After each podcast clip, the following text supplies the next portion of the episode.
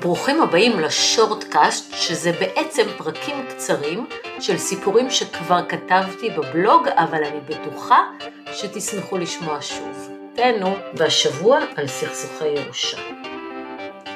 אורן ועדה הם אח ואחות בשנות החמישים המאוחרות לחייהם. כשאימא שלהם נפטרה כבר לפני שנים, הם העבירו מטבע הדברים את, את חלקם בעזבונה, לאבא שלהם היה ברור כשמש, לפחות לאורן, שבבוא העת, לאחר 120 שנותיו של האב, כל הרכוש התחלק ביניהם בחלקים שווים, הם בסך הכל שני אחים. היו להורים שלהם כספים רבים שנצברו מעשרות שנות עבודה קשה ופיצויים מהנאצים, והם השכילו לרכוש לפני שנים ארבע דירות בתל אביב ושהיום שוות הון. ראייתו של אביהם שהיה כבר בן 90 הידרדרה והוא הלך ואיבד אותה, אבל נותר צלול לחלוטין. תחילה הוא התנגד וביקש לשמור על עצמאותו, אבל בסופו של דבר ועם ההידרדרות בראייתו הוא השתכנע שאין מנוס והסכים להכניס לביתו עובדת זרה שתסייע לו במטלות היום-יום.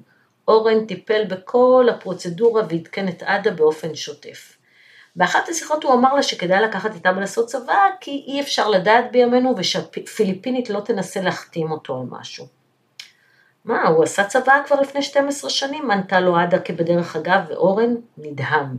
הוא לא ידע שום דבר על הצוואה, וכשהוא שאל את אבא איפה בדיוק אבא שלהם ערך צוואה ומה כתוב בה, היא ענתה, אני לא יודעת, איזה קרוב משפחה לקח אותו, אין לי מושג מה כתוב בה. אורן שוחח עם אביר ושאל אותו על הצוואה שנערכה לפני 12 שנים, אבל אבא לא זכר מה כתב בצבא ואמר שהוא לא יודע איפה הוא שם אותה. אורן אמר לאביו שהוא חושב שכדאי לערוך צוואה חדשה ושהוא ידאג לעורך דין שיבוא אליו להחתים אותו. כמי שרגיל לארגן עבור אביו את כל הפרוצדורות, אורן דאג שעורך דין שהוא מכיר ייצור אה, עם אביו קשר, ישוחח איתו על הצוואה ויגיע לביתו להחתימו. הוא עדכן את עדה בוואטסאפ על כל הפרטים, סיפר לה שביקש מעורך הדין לעבור, לערוך עבור אביו צוואה חדשה שמחלקת את כל הרכוש בחלקים שווים. הוא קבע מועד לחתימה ואמר בואו בואי נהיה שנינו שם.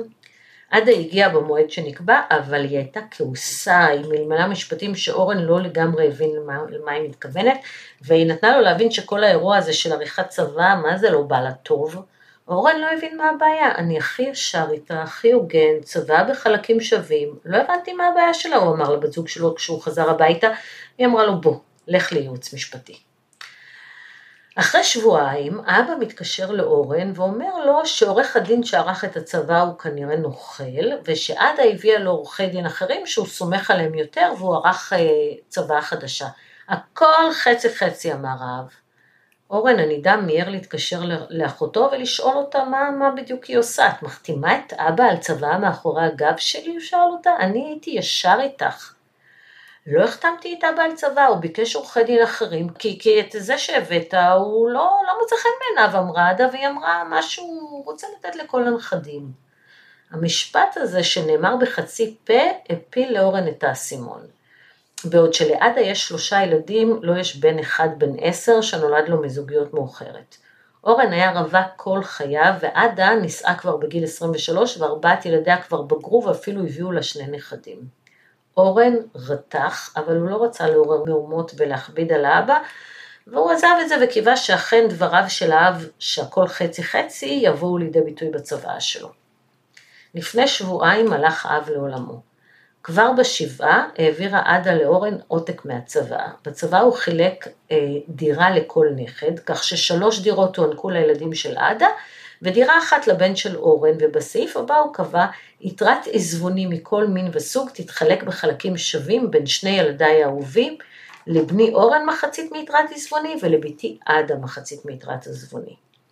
אורן החליט להתנגד לצוואה, הוא טען שזה לא רצון אביו, שעדה עשתה מניפולציה שהחתימה על צוואה מאחורי הגב, ושהצוואה אינה הוגנת ואינה משקפת את רצונו האמיתי של אביהם. למרות שייתכן מאוד שאורן צודק, הוא לא לקח בחשבון שדיני הירושה שונים לחלוטין מתפיסת הצדק הבסיסית שלנו, והוא הזדקק לראיית זהב כדי להביא לפסילת צוואתו האחרונה של אביו. צוואה לא חייבת להיות הוגנת, צודקת ומוסרית. בארץ, בניגוד למדינות אחרות באירופה, אפשר לנשל לחלוטין ילדים וגם בני זוג.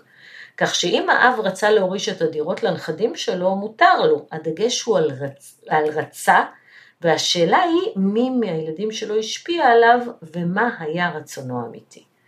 במאבקי ירושה, השחקן הראשי המכונה המנוח כבר לא בסביבה, ולכן צריך ללמוד מנסיבות חיצוניות מה היה רצונו האמיתי, והאם מישהו השפיע עליו השפעה בלתי הוגנת. זה לא מספיק אם מישהו השפיע עליו, ההשפעה צריכה להיות בלתי הוגנת.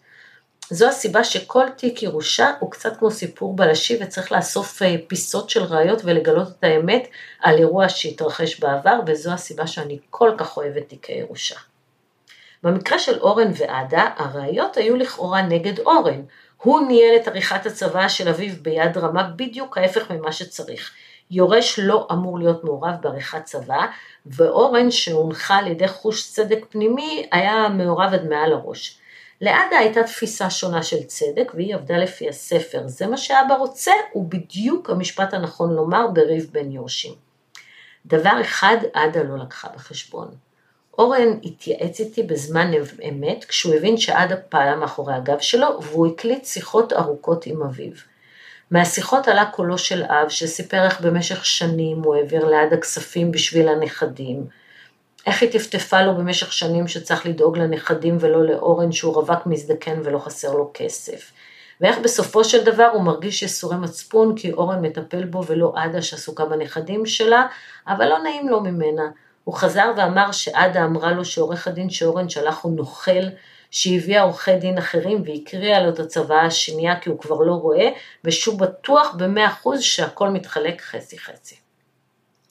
הסיפור של אורן ועדה פשוט יחסית לסיפור של תומר ועופר, זוג אחים בשנות ה-40 לחייהם, שהוריהם התגרשו לפני המון שנים ואבא שלהם החזיק את רוב הרכוש המשפחתי בשווי עשרות מיליוני שקלים. יום אחד האבא הזמין את תומר לשיחה ואמר לו שהוא חושב שעופר הוא לא בנו הביולוגי. הוא שיתף אותו שבעת הנישואים אה, לאימא שלו הוא תפס אותה בוגדת בו פעמיים ובשתיהן הוא סלח לה, אבל בפעם השלישית לא הייתה דרך חזרה. במשך שנים הוא מרגיש שעופר לא שלו למרות שהוא גידל אותו כמו בן ועופר אוהב אותו ועושה לו כבוד. הוא שאל את תומר איך אפשר לבדוק את זה בלי שעופר ידע, ותומר אמר שהוא כבר ימצא פתרון ויחזור לאביו עם תשובות. ככה, כזה הוא תומר קבלן מבצע, ושאבא שלו מבקש משהו זה כמו פקודה.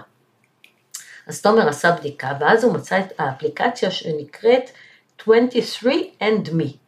שתמורת סכום סמלי יחסית נותנת תמונת DNA ומוצאת קרובי משפחה שחולקים ממך DNA.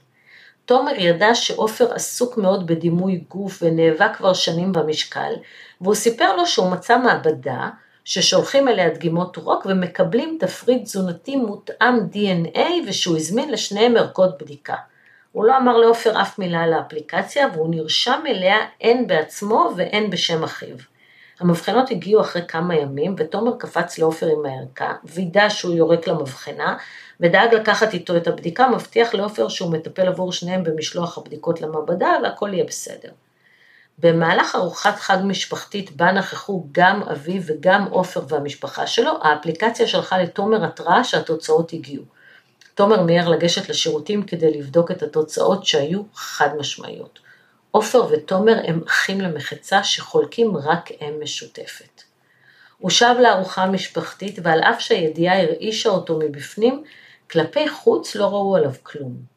לעופר ששחרר את אבזם החגורה אמר שהוא אכל יותר מדי ושאל מה עם הבדיקות האלה שעשינו, תומר סיפר שלא החזירו תשובות, בכלל מסתבר אל תשאל, זה אתר של שרלטנים ואין עם מי לדבר. אבל למחרת תומר הלך לבקר את אבא שלו, הביא איתו הדפסה של תוצאות הבדיקה שאישרו את תחושות הבטן שלו, עופר הוא לא הבן הביולוגי. האב הזיל דמעה ואמר שהוא הרגיש שזה כך וחשוב לו לדעת את האמת לעת זקנתו. תומר המתין שאבא שלו יאמר משהו על הירושה, אבל אבא לא אמר כלום. בסופו של דבר תומר שאל אותו ישירות אם הוא מתכוון לערוך צבא ולדאוג לו, הבן שלו, הבשר מבשרו. אבא הביט בתומר במבט קשה ואמר, עופר הוא אחיך.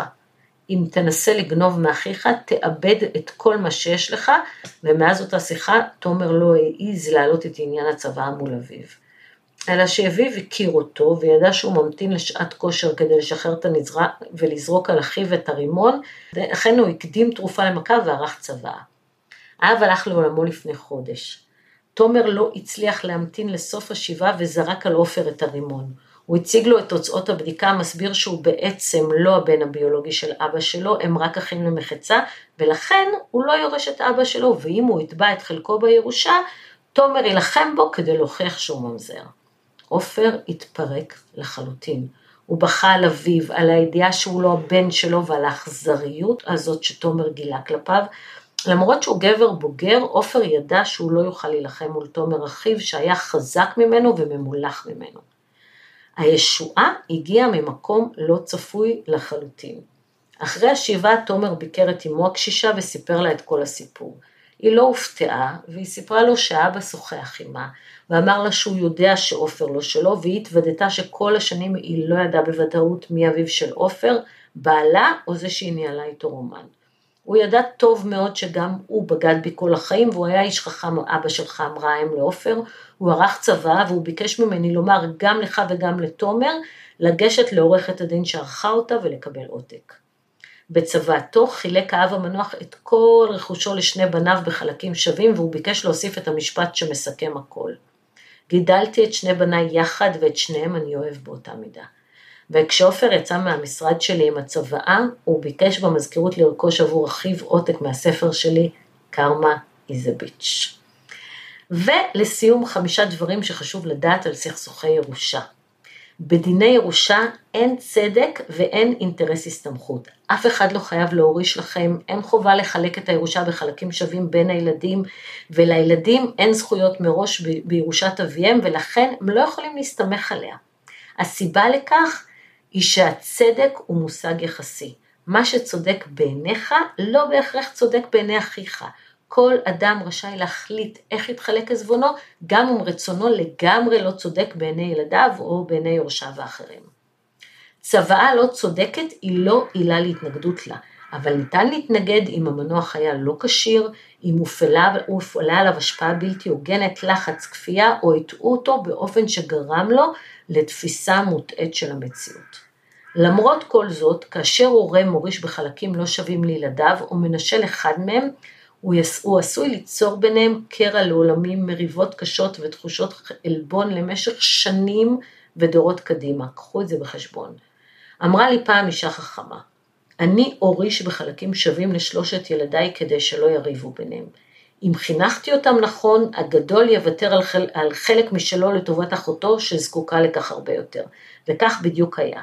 יורש יכול להסתלק מחלקו לטובת אחיו ואחותו. ואם אתם לא סומכים עליו שיעשה את זה, תבחרו מה אתם מעדיפים לעשות. צדק חלוקתי ומלחמת אחים, או שוויון לכאורה ושלום.